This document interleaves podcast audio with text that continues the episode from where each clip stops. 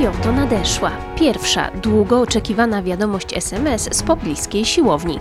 Jesteśmy otwarci. Zapraszamy wszystkie osoby posiadające zielony paszport, czyli ozdrowieńców i osoby, które przyjęły szczepionkę przeciw COVID-19. Posiadacze dokumentów będą mogli pójść na basen, event kulturalny, a drzwi otworzą im też hotele. Dla wszystkich, także tych niezaszczepionych, już teraz dostępne są sklepy, galerie handlowe, muzea i biblioteki. Uczniowie powoli wracają do szkół. Lotniska póki co pozostają zamknięte dla lotów międzynarodowych, ale władze zapowiadają, że to tylko kwestia czasu. Tak, Izrael wychodzi z trzeciego lockdownu, a jego mieszkańcy mają nadzieję, że to definitywny koniec pandemii.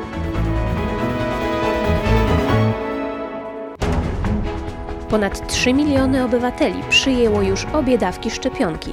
W ciągu dwóch najbliższych tygodni Izrael otrzyma ostatnią dostawę zamówionych szczepionek Pfizera 1,5 miliona dawek. To zapewni mu osiągnięcie celu odporności grupowej dzięki 5 milionom zaszczepionych obywateli.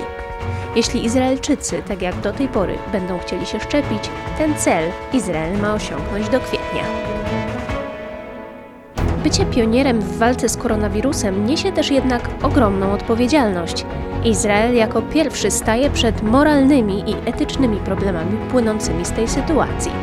Co zrobić z osobami, które nie chcą się zaszczepić?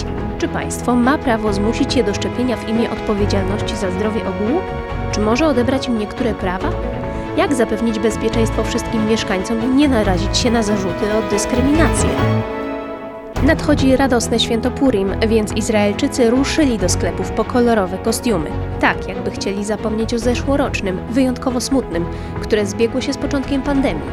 Nawet jeśli rząd wprowadzi zapowiadane restrykcje na czas święta, nic nie odbierze Izraelczykom nadziei na to, że ich powrót do w miarę normalnego życia nadchodzi razem z wiosną.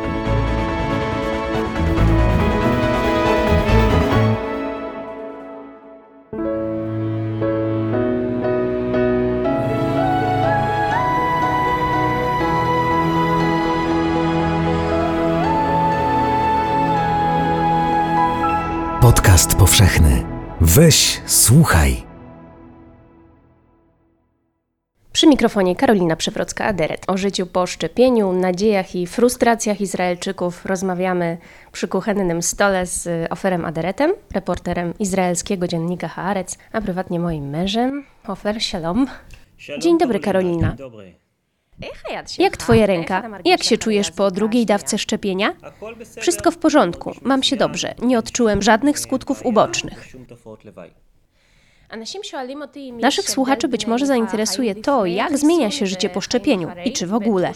Mówię tutaj o takim ogólnym poczuciu bezpieczeństwa. Ja tego za bardzo nie odczuwam, a ty?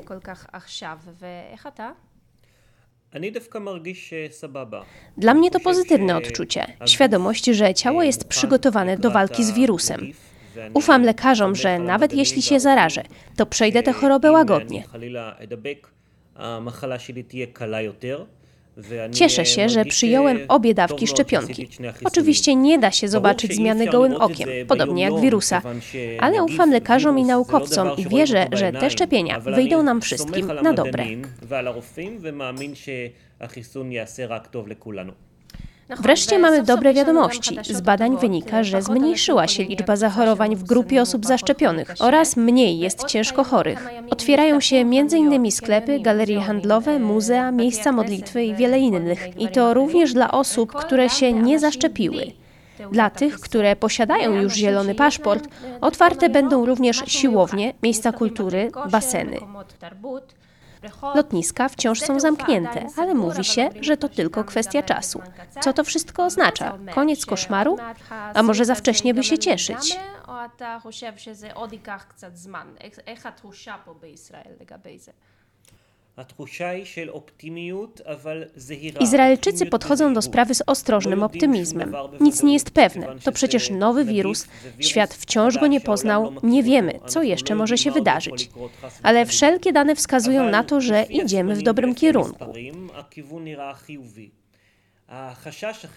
Martwię się natomiast o to, że Izrael chce wychodzić z tego lockdownu zbyt szybko. I to jest problem Izraelczyków. Nie wiedzą, jak znaleźć złoty środek. Chcą od razu albo wszystko, albo nic. Znając nas, od razu wrócimy do imprez, spotkań w parkach, centrach kultury. A przecież część z nas wciąż się nie zaszczepiła. Martwi mnie, że politycy się na to zgodzili. W marcu znów, bo po raz czwarty z rzędu, mamy wybory. Wrócimy jeszcze w naszej rozmowie do tego tematu.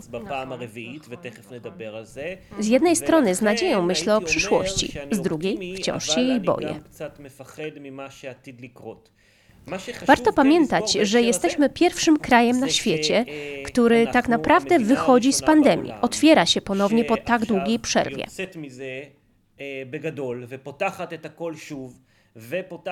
Zaraz otworzy lotniska, a już teraz tworzy regulacje odnośnie tego, jakie miejsca będą dostępne dla zaszczepionych i dla niezaszczepionych.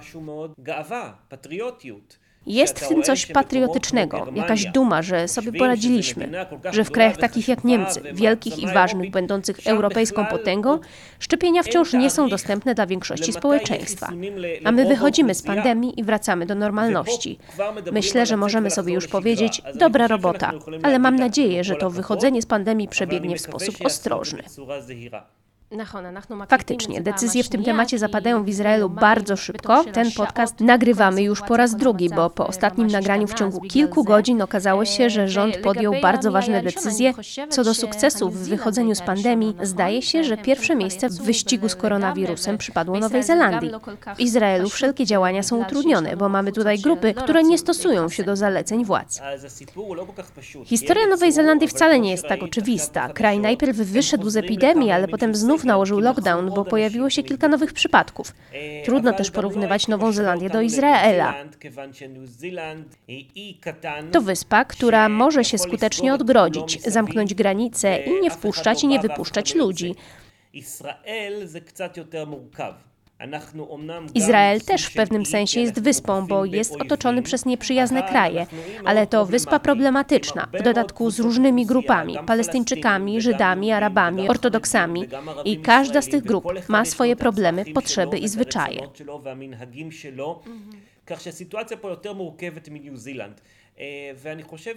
W tak skomplikowanej sytuacji możemy być przykładem tego, jak mimo wszystko wyjść z tej pandemii, w kraju, który nie może się tak po prostu zamknąć na cztery spusty. Ale też nie może liczyć na to, że wszyscy obywatele będą się stosowali do poleceń władz. Zgadza się. Wspomniałaś o ludziach, którzy nie chcą się szczepić. W Izraelu ruch antyszczepionkowy nie jest duży. Właściwie funkcjonuje tylko w mediach społecznościowych, a także wśród Żydów ortodoksyjnych i Arabów. היא גם קיימת בקרב חלק מהקבוצות של החרדים וחלק מקבוצות של ערבים Ci z uwagi na światopogląd i wyznanie twierdzą na przykład, że nie wierzą w tego wirusa, za to wierzą w Bożą opiekę. Spotkałem ostatnio Arabów, którzy powiedzieli mi, że nie wierzą w wirusa, bo nie zobaczyli skutków jego działania na własne oczy. A więc są i tacy ludzie, którzy z wielu powodów nie wierzą w tę pandemię albo oskarżają rząd o konspirację. Ale to nie jest duża grupa w Izraelu.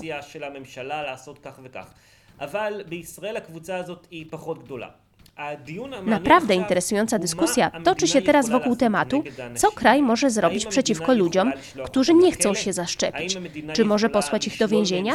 Odebrać im prawa i powiedzieć, nie możecie pójść do restauracji? Nie możecie wejść do kina? Wyjechać z kraju? Pójść do biura? To nie takie proste. Sytuacja Zahaczamy tu o prawa obywatelskie. Państwo nie może zmuszać swoich obywateli do tego, by przyjęli szczepionkę. To kwestia medyczna. Władza nie powinna tu ingerować.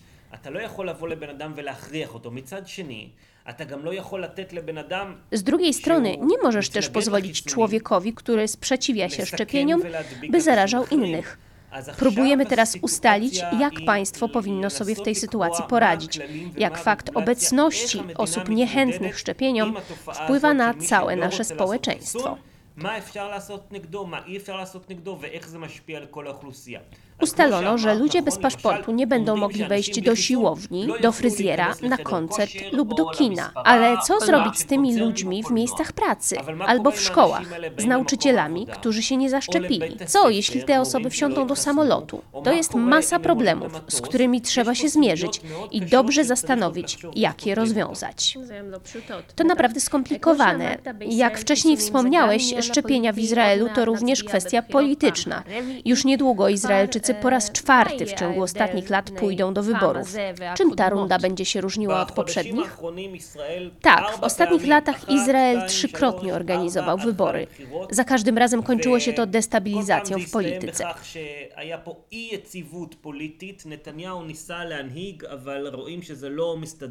Po ostatnich wyborach mieliśmy nadzieję, że Benjamin Netanyahu i Benny Gantz utworzą wreszcie sprawną koalicję, ale to się nie zdarzyło. Walczyli ze sobą. Ich współpraca nie przetrwała, a przecież nie da się tak kierować krajem. Co teraz będzie?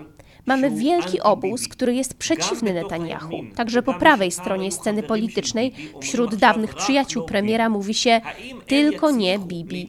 Czy uda im się zjednoczyć i zbudować rząd, którego głównym mottem będzie tylko nie Bibi? Może i tak, ale pewności tu nie ma. Problem w tym, że w obozie przeciwników Bibiego jest zarówno lewica, są Arabowie, ale jest też prawica, na przykład Naftali Bennett albo Gideon Sar. Jeszcze bardziej na prawo od Bibiego. Mogliby usiąść razem i utworzyć rząd, ale jak? Ze skrajną lewicą?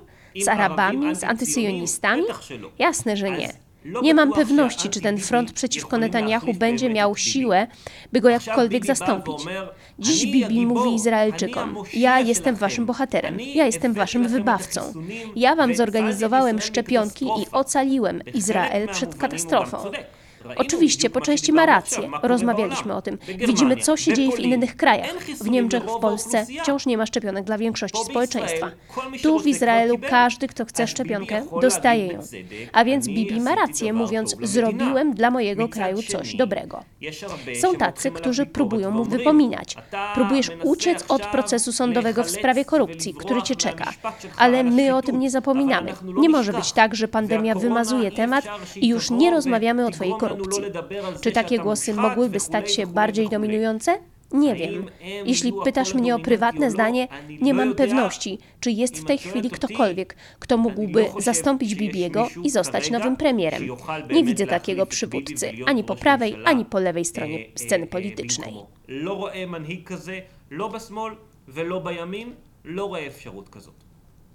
Jednym słowem, Bibi czarodziej po raz czwarty z rzędu. Na koniec chciałabym Cię zapytać o temat z obszaru, którym się zajmujesz na co dzień, czyli historii. Proces przeciwko Janowi Grabowskiemu i Barbarze Engelking, który przykuł uwagę mediów na całym świecie. Tygodnik również pisał o tej sprawie obszernie. Jak reagowano na to w Izraelu? Nie tylko w mediach, ale także w świecie nauki? איך הוא התקבל בתקשורת, אבל גם באקדמיה, בתחום של היסטוריה. Większość historyków, którzy zajmują się w Izraelu badaniem zagłady skupiona wokół Yad Vashem, całkowicie poparła Grabowskiego i Engelking.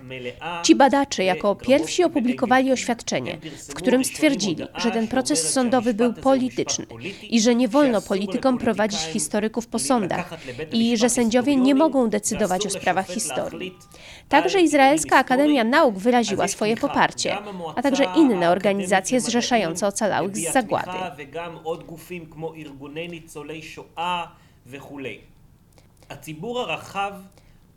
Izraelska opinia publiczna nie była już tak bardzo zainteresowana tematem, bo w izraelskich mediach królują teraz oczywiście pandemia oraz wybory. Temat nie rozgrzał Izraelczyków tak bardzo jak nowelizacja ustawy o IPN, gdy wszyscy o tym mówili, także Bibi i prezydent Rivlin. Ta dyskusja nie osiągnęła takiego poziomu, ale to z pewnością temat, który przykuł uwagę mediów i akademii. Jeśli pytasz mnie o zdanie, jako osobę, która interesuje się historią i pisze o niej, myślę, że nawet jeśli w książce Grabowskiego i Engelking są błędy, a konia z rzędem temu, kto nie zrobi błędu w książce mającej 1700 stron, bo nie ma dziennikarza czy naukowca, który napisałby artykuł lub książkę i chociaż raz się nie potknął. A więc nawet jeśli tam jest jeden błąd, to nie znaczy, że wszystkie ich badania są błędne. Nie uważam, że Grabowski i Engelking są święci i posiedli wszelką wiedzę. Można i trzeba się spierać, można ich krytykować, można przejrzeć książkę i powiedzieć: pomyliliście się tu i tu, naprawcie to. Tak działa dyskusja naukowa. Nie prowadzimy jej w sądzie czy w parlamencie. Robimy to w murach akademii, w instytutach zajmujących się badaniami nad zagładą w Polsce lub Yad Vashem, albo w IPN. Ale nie mówimy, jeśli się pomylisz, masz zapłacić konkretną sumę, albo pójdziesz do więzienia, albo opublikujesz przeprosiny. Sąd to nie jest miejsce na prowadzenie dyskusji historycznej. Wygląda na to, że w tej historii nie powiedziano jeszcze ostatniego słowa. Mam nadzieję, że jeszcze się tu spotkamy, by porozmawiać o dalszym rozwoju wypadków. Dzięki, Ofer. Dzięki Karolina i dziękuję też wszystkim słuchaczom tego podcastu. Do usłyszenia w kolejnym podcaście powszechnym opowieściach z Izraela. Dziękujemy za obecność przy wspólnym stole.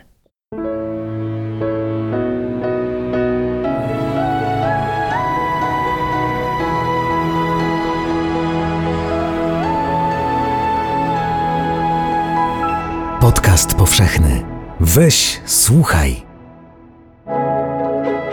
Jeśli słuchają nas Państwo w Spotify albo w Apple Podcasts, zasubskrybujcie nasz kanał. Jesteśmy też w Google Podcasts i w aplikacji Lekton oraz na www.tygodnikpowszechny.pl/podcast.